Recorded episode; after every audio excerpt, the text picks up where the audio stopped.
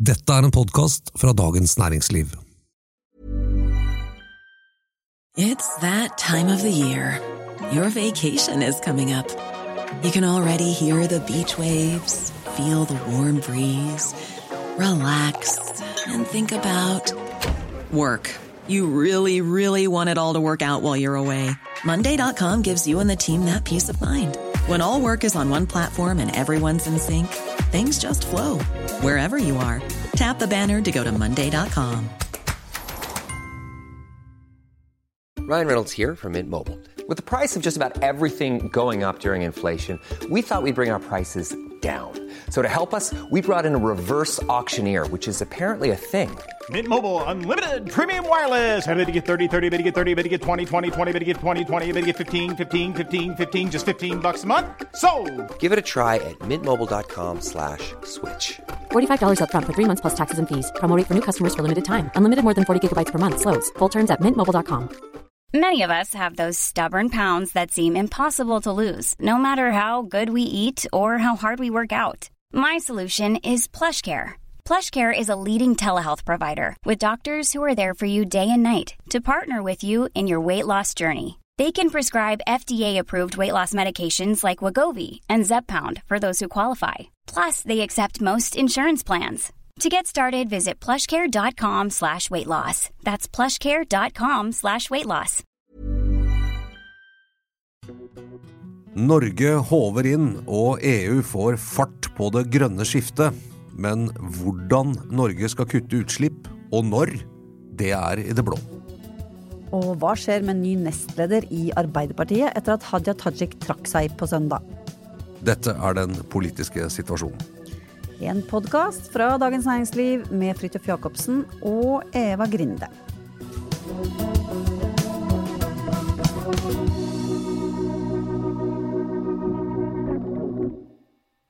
Du, altså. Vi er jo blitt søkkrike. Siste tiden. Ja, Norge er jo Vi er i ferd med å bli håvet inn. Ja, Norge er et hedgefond, som vi snakket om eh, Ja. tidligere i dag. Ja, altså det er sånn at eh, eh, Verden er jo inne i en veldig urolig økonomisk tid, med, som alle sikkert våre eh, meget begavede lyttere har fått med seg. Eh, at eh, oljepriser, gasspriser er veldig høye. Eh, det vil selvfølgelig påvirke økonomi, det blir høye kostnader, prisene kan øke. Det er mange eh, ting som har skjedd etter at Putin invaderte Ukraina. Men én ting som skjer, er jo at mens oljefondet kanskje synker litt i verdi hvis kursene på aksjene sånn går ned, så vil Norge altså skuffe inn penger på de voldsomt høye olje- og gassprisene. Og Det virker jo vel sånn at vi tjener Eller det har ikke jeg sett tall på, faktisk. Men altså det er liksom mer inn på økte olje- og gasspriser enn det er ut på, på tapet på verdens aksjemarkeder. ja, det kommer an på hvor dårlig det går. Det ser sånn ut foreløpig, ja da. Det er klart det er vanskelig å si. Men det kan i hvert fall Det ene veier som litt opp det andre. Vi er uh, heldig stilt på den måten. Ja, Og det er paradoksalt, og det er, uh, det reiser noen spørsmål. Ja, det, det er jo helt svimlende tall. Uh, uh, I, et, uh, I fjor, eh, hvor, som var et veldig bra år for, for Norge, på, på, særlig på olje- og gassinntekter, så tror jeg det var sånn rundt sånn 240 milliarder eller noe sånt nå, i, i inntekter. Eh, eh, og det er jo mye, eh, som alle vet. Og det lå også jeg tror i nasjonalbudsjettet for i år, så var man regnet med kanskje enda litt mer enn det, men altså i størrelsesorden liksom et eller annet sted rundt 250 milliarder. 277 tror Ja, jeg det var stipulert til. Og nå har eh, Nordea, økonomene der, regnet ut at med de prisforventningene som ligger på olje og gass nå, så, så er vi ikke liksom oppe på 350 eller sånt, men er vi oppe på 1750 milliarder kroner i inntekter fra olje og gass. Det er seksgangeren, det. Ja, det er mer enn et statsbudsjett. Og det er en direkte følge av, eh, av Russlands angrep på Ukraina, rett og slett. Ja, og konsekvensen at da EU nå sier at eh, man skal slutte å kjøpe russisk olje og gass. Eh, USA har sagt vi kjøper ikke mer russisk olje, Storbritannia har sagt vi kjøper ikke russisk olje og gass. Så det betyr at det, det som er igjen, det, det, ettersom de er så viktig leverandør, vil, eh, vil stige helt voldsomt i, i pris. Og det, det får jo noen eh, interessante konsekvenser utover at vi blir veldig rike. Den skrev jo en sak om dette her i går. Um, eh, Eller i går, hva blir det? Onsdag. Jeg har publisert onsdag eller torsdag. Eh, men der, de økonomene som kommenterte det, var veldig sånn på at dette, disse pengene kan vi ikke bare håve inn og sitte på selv her. Dette her, det, det gir seg jo eh, litt at, at vi må på en eller annen måte få, eh, få delt på denne profitten, da. Med de som faktisk lider, eh, lider og gjør at vi tjener disse pengene. Ja. Eh, og så eh, fulgte vi opp med en sak med politikere.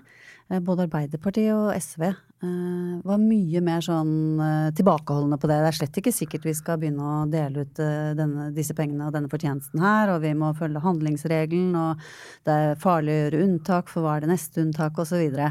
Og til og med SVs eh, eh, Kari Lisbeth Kaski sa jo, ville jo ikke si at dette var noe moralsk dilemma. Hun sa det var et paradoks, men ikke noe moralsk dilemma. Et moralsk, litt, moralsk, paradoks. jeg syns det var litt overraskende. Eh, det her var det veldig sånn eh, regel Men det er liksom akkurat sånn eh, Politikerne begynner liksom å rulle sånn dollartegn i øynene på dem, på en måte. Skal ikke, her er det penger inn til den norske stat. De skal vi tenke oss godt om før vi eh, hiver ut igjen. Jeg tror eh, en ting som nok festet seg litt med den strømkrisen hvor, eh, og Der får vi jo bare ta vår del av, skylden her i Dagens Næringsliv. var at vi viste en sak hvor mye strømselskapene tjener ekstra på at prisen er så høy. Og også hvor mye staten tjener ekstra, fordi momsen, får mye mer momsinntekter osv. På, på strøm. Og den summen var jo helt eh, svimlende, og dermed så, så ble jo folk sånn Vi betaler veldig høy strømregning, men staten tjener seg søkkrik på det. Da vil vi ha igjen penger. Altså, det, er ikke fair, og dermed så var det presset mot at vi skulle få kompensert på strømregningen helt enormt. Det, det Logisk nok sier liksom eh, når det er så mye ekstrainntekter når strømregningen er dyr, hvorfor skal ikke det tilbake til befolkningen, så vi slipper å blakke oss på strøm?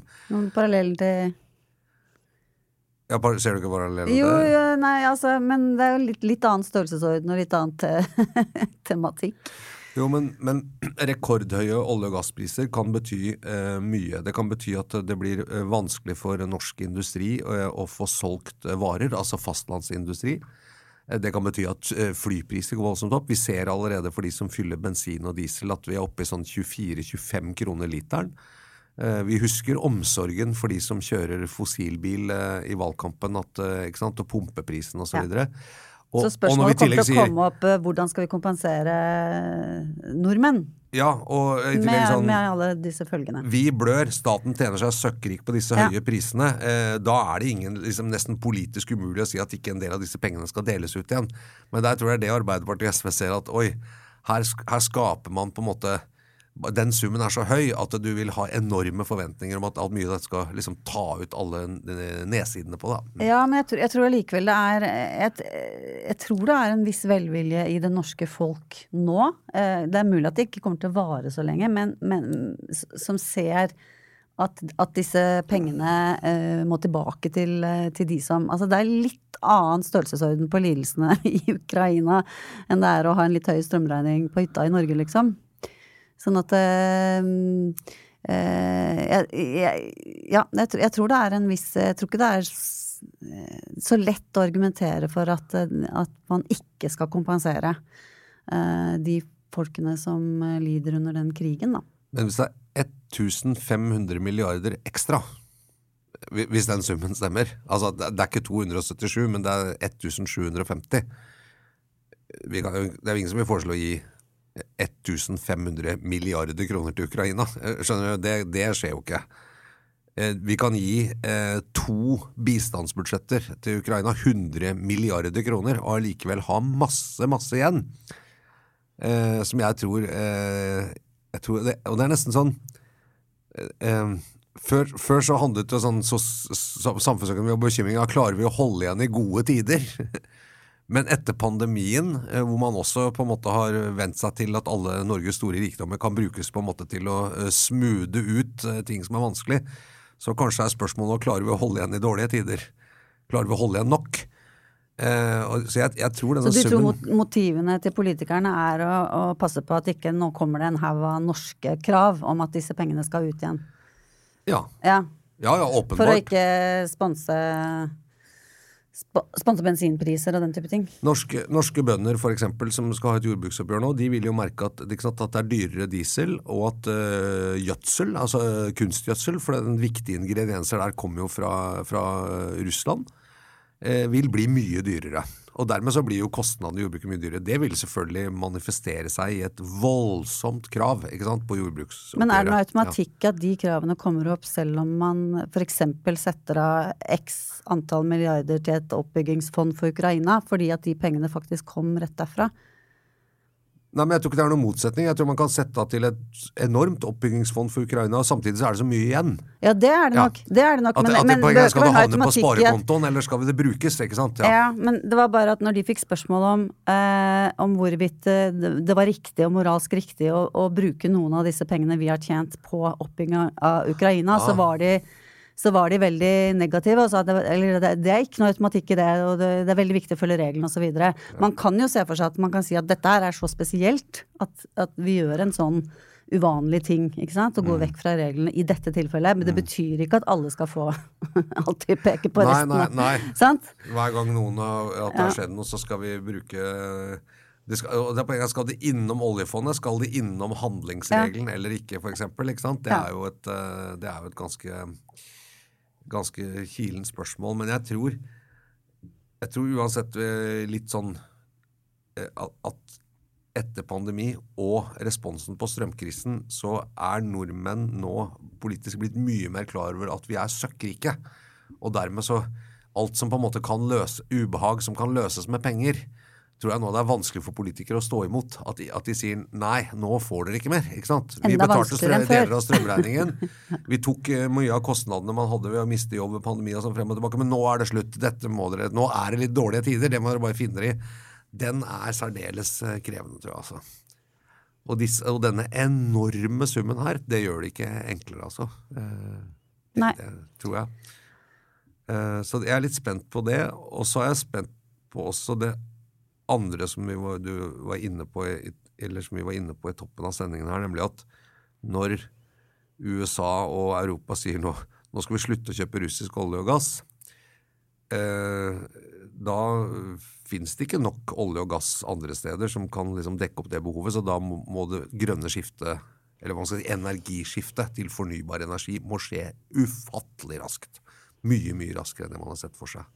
Ja, det, der er det jo liksom Hvis man våger å tro, så er det litt sånn lys i, i tunnelen akkurat når det gjelder den saken der, ikke sant. Kan det være at denne helt uh, forferdelige krigen og det sjokket som det har skapt, kan få noen følger som på lang sikt er bra for verden, ikke sant. Altså du ser jo det som, som EU nå uh, denne uka bare slo fast, at, eh, at nå haster det å få på plass eh, grønn energi, og alternativ til avhengighet av Russland. De har jo 45% av all gass til EU kommer fra Russland i dag. Det er mye. Så det er helt? De er helt avhengige, og, det, og jeg skjønner jo også at det er, det er litt i tiden å ikke gjøre seg avhengig av Russland. det, det, kan, Det, kan man trygt si. Uh, og at det da kan, at det, at da kan eh? Først så var man mer redd for at eh, nå kommer liksom atomkraftverk og kullkraftverk opp igjen, og alt bare for å liksom ha stabil eh, tilgang på energi. Eh, og det er mulig at det blir, eh, det blir eh, løsningen på kort sikt, men så virker det som EU nå bruker veldig denne situasjonen til å få fart på fornybare. Ja, og det er jo en, Det er det er en ny, hva skal man si, hva skal man kalle et nytt narrativ om det grønne skiftet. At det er liksom ikke sånn eh, eh, caffè latte og økovin eh, og det greiene der. Det er de beinharde sikkerhetspolitiske haukene som sier at vi må, vi må gjennom det grønne skiftet fort som F. Og de har våpen! Ja, ikke sant? For å, slippe, for å slippe å bli truet av Russland. Mm. Så her har du liksom en litt sånn annen type hestesko. Altså, eh, liksom Mye det- taler for at det kommer til å gå fortere da. ja. Eh, og det, det er jo, var sånn interessant i seg selv. Og så var det, det var sånn, noe galgenhumor får man jo ha, men som ble sagt litt rundt i dag også, at du kan si mye gærent om Putin, og det er stort sett bare gale ting med han, men én ting skal han ha, han fikk fart på det grønne skiftet. ikke sant?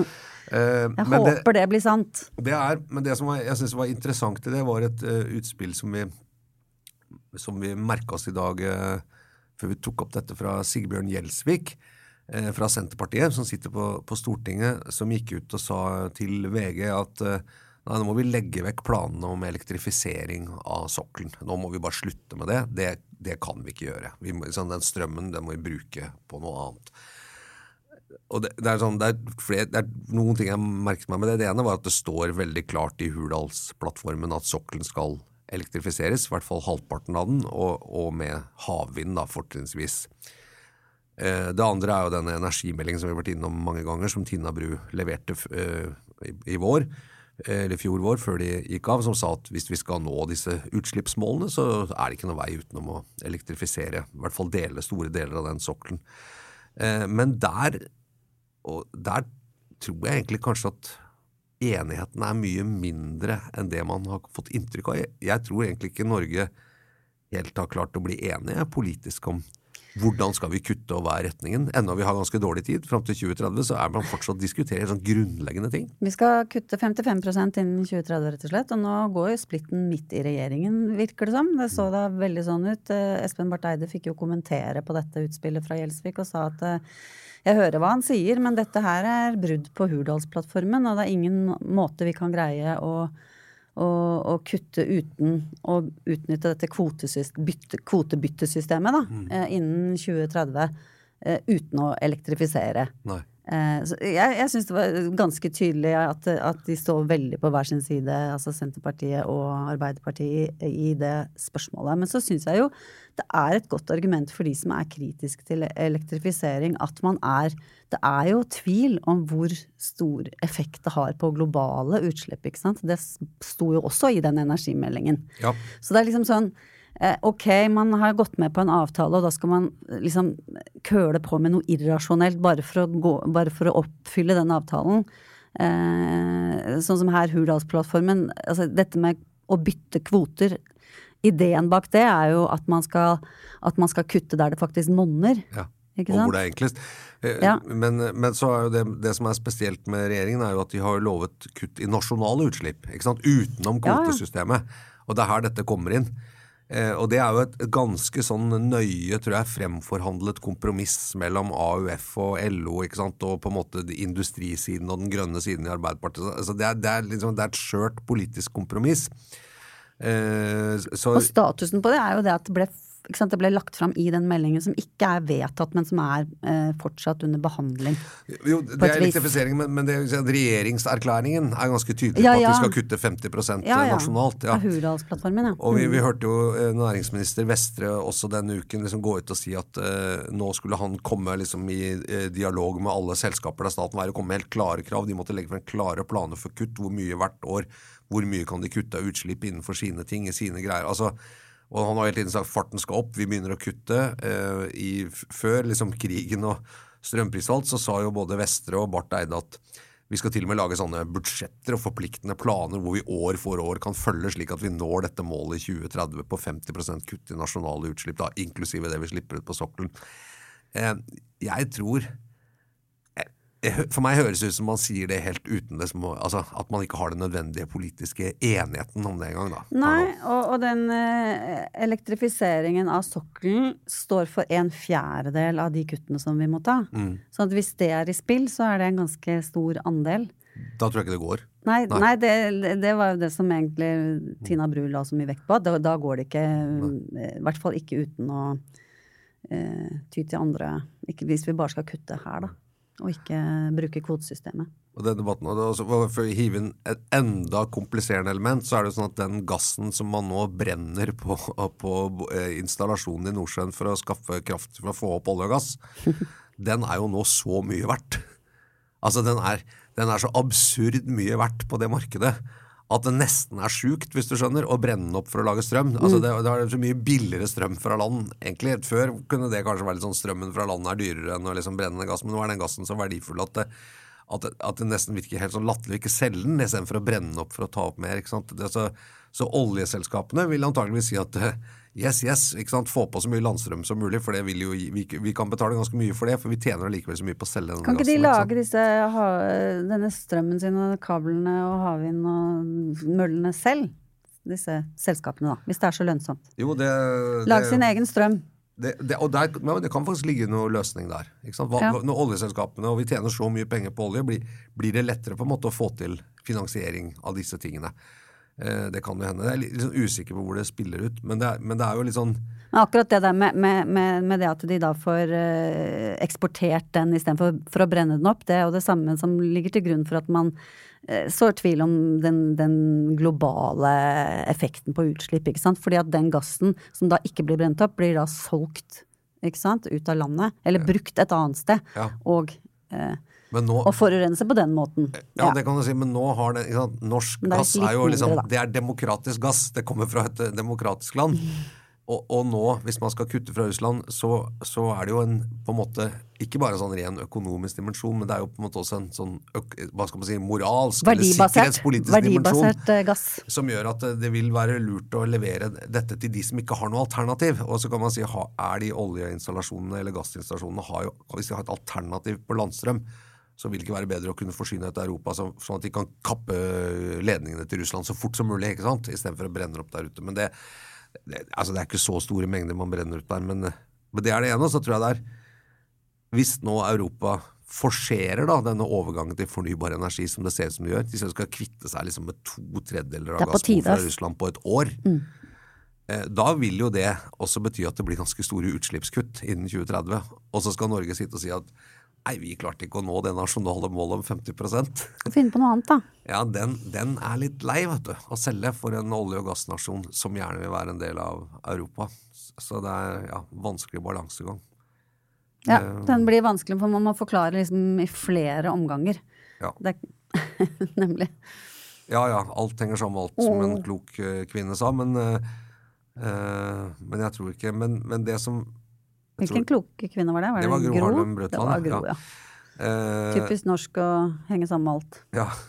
Å henge, henge sammen med alle mulige rare folk. uh, men uh, Nei, så jeg, men det bare Men det som også med den enorme pengemengden, da, den Kanskje når man begynner å liksom skjønne hva det faktisk betyr, så kan man jo si at penger er jo ikke liksom bare et, et, et onde, som av og til man får inntrykk av at enkelte Det er ikke samfunnsøkonomer bare mener. et onde. De gir også frihet og Sitat muligheter. Fridtjof Jacobsen. Ja. Jo, men altså, man får, Av og til får man inntrykk av at liksom, miljøet i Finansdepartementet sier oi, oi, nå har vi altfor mye penger. Det er veldig vanskelig. Ikke Ja, sant? det blir det. Men, Kan, man kan finne på å bruke dem og sånn. Ja, kan Mm. det. Uh, På en prisdrivende måte. Ja.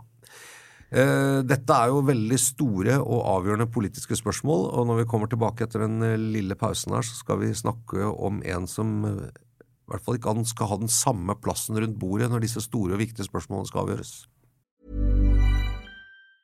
Jewelry isn't a gift you give just once. It's a way to remind your loved one of a beautiful moment every time they see it. Blue Nile can help you find the gift that says how you feel and says it beautifully with expert guidance and a wide assortment of jewelry of the highest quality at the best price. Go to BlueNile.com and experience the convenience of shopping Blue Nile, the original online jeweler since 1999. That's BlueNile.com to find the perfect jewelry gift for any occasion. BlueNile.com. Uh, For det er Hadia Tajik. det er Hadia Tajik, ja. Ja. Vi har eh, snakket om de viktige tingene, og nå skal vi snakke om, eh, om eh, De spennende tingene. innenriks... Nei, eh, det var, det var egentlig bare en, eh, en liten sånn referanse til eh, Jonas Gahr Støre som eh, på et vis signaliserer at han syns eh, hans oppgave som statsminister i en krig- og krisetid gjør at han ikke kan bry seg så altfor mye om nestledere, nestlederstrid og mangel på tillit og problemer i partiet. Hvilken sammenheng var det han kom med dette? Nei, altså, Det, var jo ikke hans ord, dette var jo en tolkning. Det er hans undertekst du er inne på nå, ja. Jeg er inne på underteksten. Nei, Podteksten er undertekstens venn. Podkast er underteksten. Ja. ja. Eh, nei, altså helt sånn konkret. Han fikk et spørsmål på en pressekonferanse. Liksom, hvor har du vært for eh, når Hadia Tajik har stått i denne krisen? Og Hvor har jeg vært? Det har vært en krig, ikke sant. Ja. Altså den type. Og det er veldig forståelig og selvfølgelig ikke sammenlignbart, men på en annen side så, så, så har en statsminister og en partileder mange eh, roller. Og det er litt dumt å sette dem opp mot hverandre på den måten. Ja. Som det kan høres ut, da. Det er, det er når eh, politikere eller statsledere og andre eh, har, finner grunn til å si eh, det relativt selvsagte 'vi har en fri presse'. Eh, da, da skjønner man For meg så er det bare én undertekst på det. Da syns jeg at pressen skriver om eh, veldig mye dumme ting som vi skulle ønske at de ikke skrev om. Eh, og dette, jeg, Hvis jeg husker riktig, så ble det sagt i forbindelse med, med da eh, Roar Hagen, som, var, som er karikaturtegner i, i VG, eh, hadde et eller annet rund dag, 60 år eller noe sånt, og så prøvde vi å lage sånn video hvor vi intervjuet forskjellige mennesker som han hadde uh, harselert med i sin strek. da. Og da var jo Jonas Gahr Støre og Jens Stoltenberg eh, åpenbare kandidater. og det, Hvis jeg husker riktig, så tror jeg han sa i den videoen vi, vi har en fri presse, og det får vi ikke gjort noe med. Nei. Ja, det var Stoltenberg som sa. Ja, jeg tror om det var han eller Støre, jeg husker ikke. Men det var bare sånn eh, det, det var jo sagt humoristisk, Ja, selvfølgelig. det var veldig men, godt sagt. eh, men han sa vel noe sånt Støre da han ble intervjuet på Oslo Redaktørsforeningens årsmiddag, liksom betonte at pressen står selvfølgelig fritt til å skrive om hva den vil, men, men det lå en undertekst der. og det forstår jeg at denne nestledersaken har vært vanskelig. Men hvis vi skal eh, kikke litt siden sist vi hadde podkast, så har, har jo eh, Tajik også måttet gå av som nestleder, og trakk seg som nestleder. Ikke måtte gå av, skal vi ikke si, for hun trakk seg selv. Hun trakk seg selv. Ja. Og så vet vi ikke om hun måtte det, men, men for ut, ut, formelt så trakk hun seg selv. Eh, og så er jo spørsmålet hva nå, Eva? Liksom, hva, hva gjør Arbeiderpartiet nå? Eh, er allerede eh, posisjoneringen i gang for å ta over det, det gromme nestledervervet? Liksom eh, opprykksplassen? Det er nok det er nok i gang i den forstand at det fins folk som tenker på det. Samtidig så tror jeg det er kanskje en liten sånn fredningsperiode akkurat nå. Um, ja, hun gikk jo først av ikke sant, som arbeidsminister og sa jeg, jeg, har, jeg har fortsatt tillit, nærmest. Både hun og Jonas var enige om det at hun kunne fortsette som nestleder. Og så tok det vel en tre-fire dager eller sånn, og så i den helgen som var nå, så trakk hun seg også som, som nestleder. Og da, det var jo etter at det, selv etter at hun gikk av som statsråd, så fortsatte det å komme piple ut saker om ulike sider av pendlerboligforhold og, og inntekter på leie, utleieboliger og, og den type ting. Så akkurat hva det var som gjorde at hun kom til en annen konklusjon da, etter fire dager, det, det er jo ikke helt godt å si. Men det kan jo være, ha noe med det at det på en måte ikke Det virket ikke som det hadde tenkt å stoppe. Nei. Eh, og hun, eh, hun kom jo ikke spesielt eh, godt ut av måten hun takla dette på. Så, men nå er det jo blitt Nå har det i hvert fall vært noen dager med litt sånn relativ ro, da. Ja. Men det, det som har vakt eller som noen har stilt spørsmål om, da, det er jo at ikke sant, Jonas Gahr Støre har jo vært veldig sånn klar på at det ikke blir snakk om å få på plass noen ny nestleder før om ett og et halvt år, altså med landsmøtet i 2023. Våren 2023. Våren Altså, 2023. drøyt Ja, det er et drøyt år, da. Ja. Eh, og, det, um, og det var det mange som, som ble litt forundra over. Og spørsmålet liksom er da blir det da en sånn lang periode med posisjonering og dragkamp og maktkamp og Ja. Hva tror du? Hva tror du? uh, nei, det mm, Altså, det, det Arbeiderpartiet lider jo av eh, av uh, maktkamp uh, og?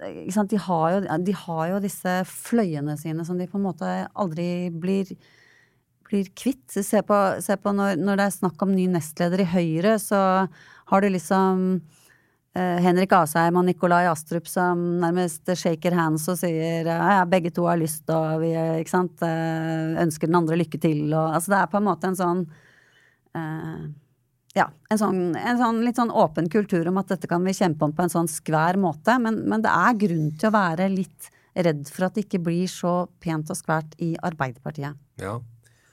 Uh, yes, uh, eh, Astrup, Da valgkomiteen innstilte på Asheim, så sa jo Astrup bare det er greit. Det er utmerket innstilling, ferdig med det. Eh, så det er jo veldig fredelig. Uh, jeg tror eh,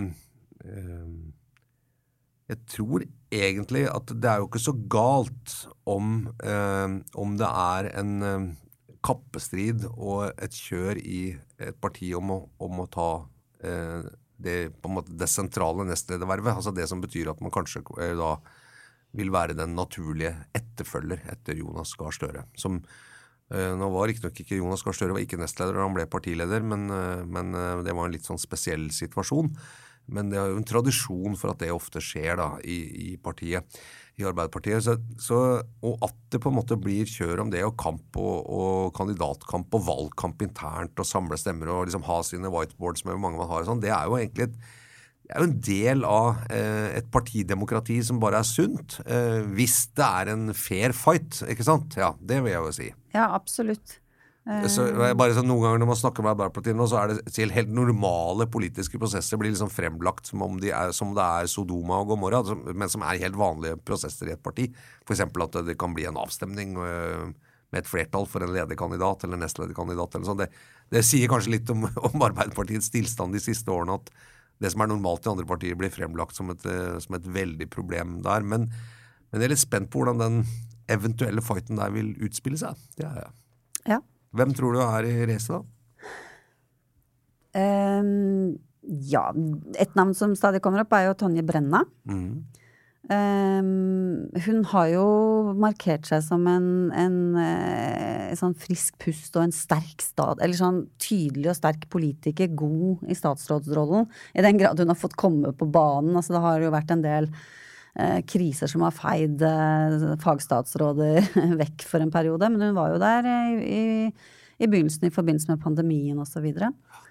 Um, og hun Men der hadde vi jo Altså denne saken med Viken, for eksempel, hvor, hvor um, uh, hvor hun og uh, Anniken Huitfeldt, som jo sitter i Akershus, ble beskyldt, eller ikke helt uten grunn kanskje heller, eh, for å gå imot sitt eget vedtak for å, for å styrke sin egen posisjon i Akershus. Er det kvalifiserende eller diskvalifiserende for å bli en god ny nestleder i Arbeiderpartiet, syns du? Det vet jeg ikke. Det interessante ja, Men den type manøvrering? Ja, det er det. Hvis det var manøvrering, så kan du også si at kanskje man bare mente Du har skrevet det? Ja da, var det. Men, var det også kanskje liksom at eh, Det ble i hvert fall oppfattet som det av det ble Det. Men det kan også ha vært sånn bare Vel, vi mente det var dumt å liksom reversere når vi først var kommet dit, men, eh, men eh, Det er jeg jo enig i, men ja. det bare de hadde jo et politisk vedtak og et løfte For meg ser det ikke, ser ikke ut som den saken liksom hefter så veldig ved det. Men jeg, hvis det, Tonje Brenna tenker jeg er litt der hvor Hadia Tajik var da hun ble nestleder. Sammen med Trond Giske den gangen, i 2015. Altså, hun er litt sånn, føler hun er litt på samme sted i, i, karrieren. Litt det samme sånn åpenbart en av de beste, liksom mest fremtredende i sin generasjon, som er på en måte generasjonen under Hadia Tajik, litt, litt etter det. Eh, skal kalle det liksom Utøya-generasjonen. Eh, ble tatt inn som statsråd har markert seg, gjort en god figur. Eh, god til å snakke, ikke minst. Eh, veldig god til å forklare ting. Eh, kan stå opp meninger, god i debatter, alt vi har snakket om tidligere. Mm. Så Det minner litt om der Hadia Tajik liksom var en åpenbar nestlederkandidat i 2015 eller til, kanskje til og med 14, så, så, så, er hun litt der. Så det er jo egentlig ja, Samme alder og samme type talent. litt forskjellige typer, da, vil jeg si. Altså, sånn som de fremstår. Eh, og så har hun denne Utøya-erfaringen, selvfølgelig, ja. som da som den generasjonen jo har. Men du var, du var, jo inne på et sånt sånn nøkkelord også når det gjelder dette med, med, med maktkamp og fløyer i Arbeiderpartiet. Dette med Det blir oppfattet sånn. Altså, liksom, innenfor partiet så har man så det er så påfallende hvor lett det er for dem å liksom sette hverandre inn i eh, andre motiver. Altså, du sier ikke det du sier fordi du mener det. Du sier det fordi du vil oppnå noe annet, eller fordi du kommer derfra. Og å ja, en eller annen gang har du støtta Trond Giske. Ja, å ja, akkurat, ja. Det er derfor du er imot det Hadia Tajik sa nå. Sånn er det ekstremt mye, og det, det er litt sånn gift. Fordi at du, du, du tar, Folk blir ikke tatt på face value, ikke sant? og du blir dytta inn i eh, tolkninger eh, hele tiden. Og det, det, er det liksom var det jeg skrev også, at jeg tenker at liksom for å få for å få ro rundt det der, så må man på en måte komme seg unna de der, de der to kampfløyene som, som oppsto, og som allerede fantes før, men som ble så veldig aksentuert og så veldig vonde i forbindelse med Giske-saken. Så da er det en, de- en outsider, da. Jeg tror de sliter altså, eller Det er helt åpenbart at, at, at restene av de fløyene eh, sliter de med fortsatt. Ja. Uten at det er så veldig lett å få øye på hva er det egentlig de består av, annet enn folk. Og noen som har støttet noe en eller annen gang i tiden. Det er liksom ikke Det går ikke langs åpenbare saker, eller høyre- og venstreakse, eksempel. Nei. Det Går l- ofte langs i hvert fall uttrykt gjennom personer, da. Ja. Men det er jo litt interessant om Så man tenker at det, at det liksom vil være veldig destruktivt. At man får, men, men da Jens Stoltenberg ble partileder og, og, og statsminister, eller først statsminister og så partileder, som det var, så var det jo eh, i kjølvannet av en opprivende intern strid mellom liksom Jagland-fløyen og Jens-fløyen, eller Stoltenberg-fløyen, som jo var, den tror jeg var, den var enda verre enn det vi har sett nå. Ja, Hvordan greide satt å legge lokk på den, da? Etterpå? Nei, jeg tror ikke man helt gjorde det. Altså, Grete Knutsen, som liksom var en av Jagland-fløyen, skrev jo en helt uh, utrolig ramsalt bok hvor hun nærmest karakterdrepte Jens Stoltenberg midt i valgkampen i 20, 2009.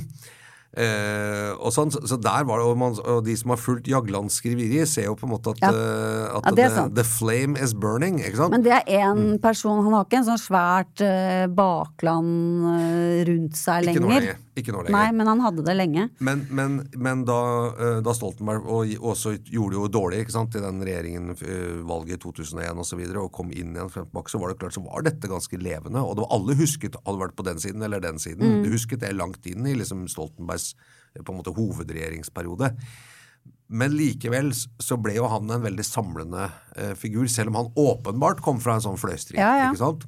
Så det er mulig. Eh, så, så, så jeg tror det er mulig, men du kan jo si at det han gjorde, det var jo at han vant. Ja.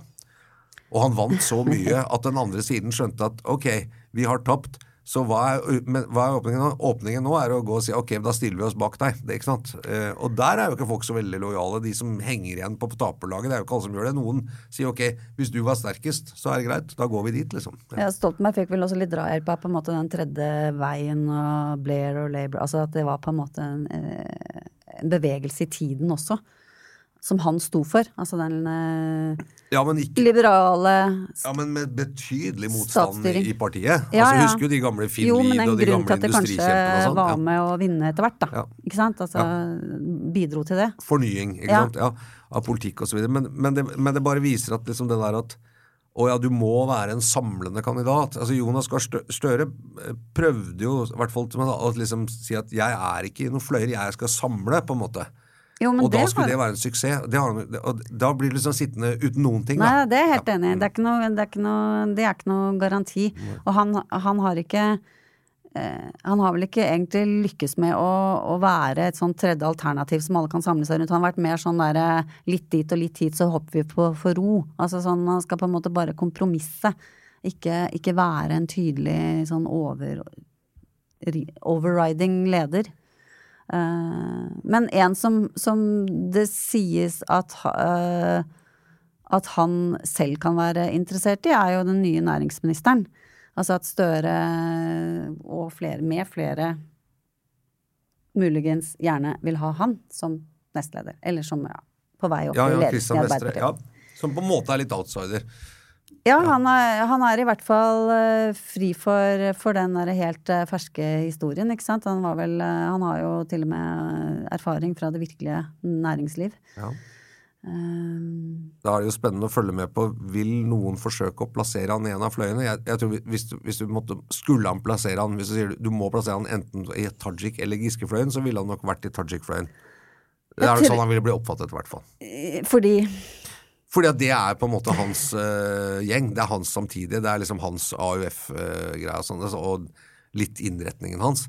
Uh, Jeg tror i hvert fall det. At, og det er godt hende at på en måte han ikke er det, men du vet Jeg tror også det, det sånn, er vi skal interessant å plassere deg et prøve sted. Jeg tror Ja. også det, men det er interessant å prøve å finne ut hvorfor vi tror det. For at det, er liksom, det er ganske sånn utydelig hva det er som egentlig Det er i hvert fall ikke på bordet, da, hva, eh, av sånn politisk innhold, hva som skiller de eventuelle fløyene. Altså Folk vil jo ikke innrømme at de finnes engang. Altså Støre fornekter jo at det finnes eh, noen fløyer i Arbeiderpartiet, Mm. eksempel. Det tror jeg ikke han kan avgjøre, egentlig. Men, Nei, eh, nei, og det kan jo slå nei. litt sånn hardt tilbake hvis man bare overser det. Så Men da er jo en ting å følge med på, er jo om, man, om noen forsøker å plassere han i den ene eller andre fløyen. Eh, og, og det vil jo være et tegn på at noen oppfatter at han kanskje på en måte er i spill for dette vervet. Og så er det jo Skal de ha én bra, de ja. ha én nestleder? Skal de ha to nestledere? Ikke sant? Eh, hva skjer hvis de bare skal ha én? Hva skjer da med Bjørnar Skjæran, som er nestleder i dag? Eller skal de ha to? Dette låser jo litt. Hvis de skal ha to, så- må det jo kanskje nødvendigvis være en kvinnelig neste. ja, hvis ikke. Skjæran skal ut. Hvis Skjæran skal ut, og de bare skal ha én, ikke sant? og så har de sant? Det er masse ting som kan skje. Jeg, jeg tror Det er motargumentet mot Vestre, da. Det, hvis, eh, fordi Skjæran også fungerer bra. På et vis. Litt, eh, litt anonym, muligens, men altså han eh, Ja. Han representerer en del av landet som det er bra for Arbeiderpartiet å ha representert. Høyt Ja, oppe i, høyt oppe i ledelsen. ja, han, Og han sitter i regjering. Uh, nei, så det er uh, uh, Men hvis vi skal ta det litt sånn forsiktig, så kan vi vel si at vi spår vel at det er en del politisk dynamikk igjen i akkurat den saken der. I året som kommer, fram til det landsmøtet. Det kan hende vi, at det kommer opp igjen her i podden. Dette var i hvert fall ukens eh, utgave av Den politiske situasjonen. En podkast fra Dagens Næringsliv med Eva Grinde og Fridtjof Jacobsen. Produsent er Oskar Bremer. Vi høres igjen neste uke.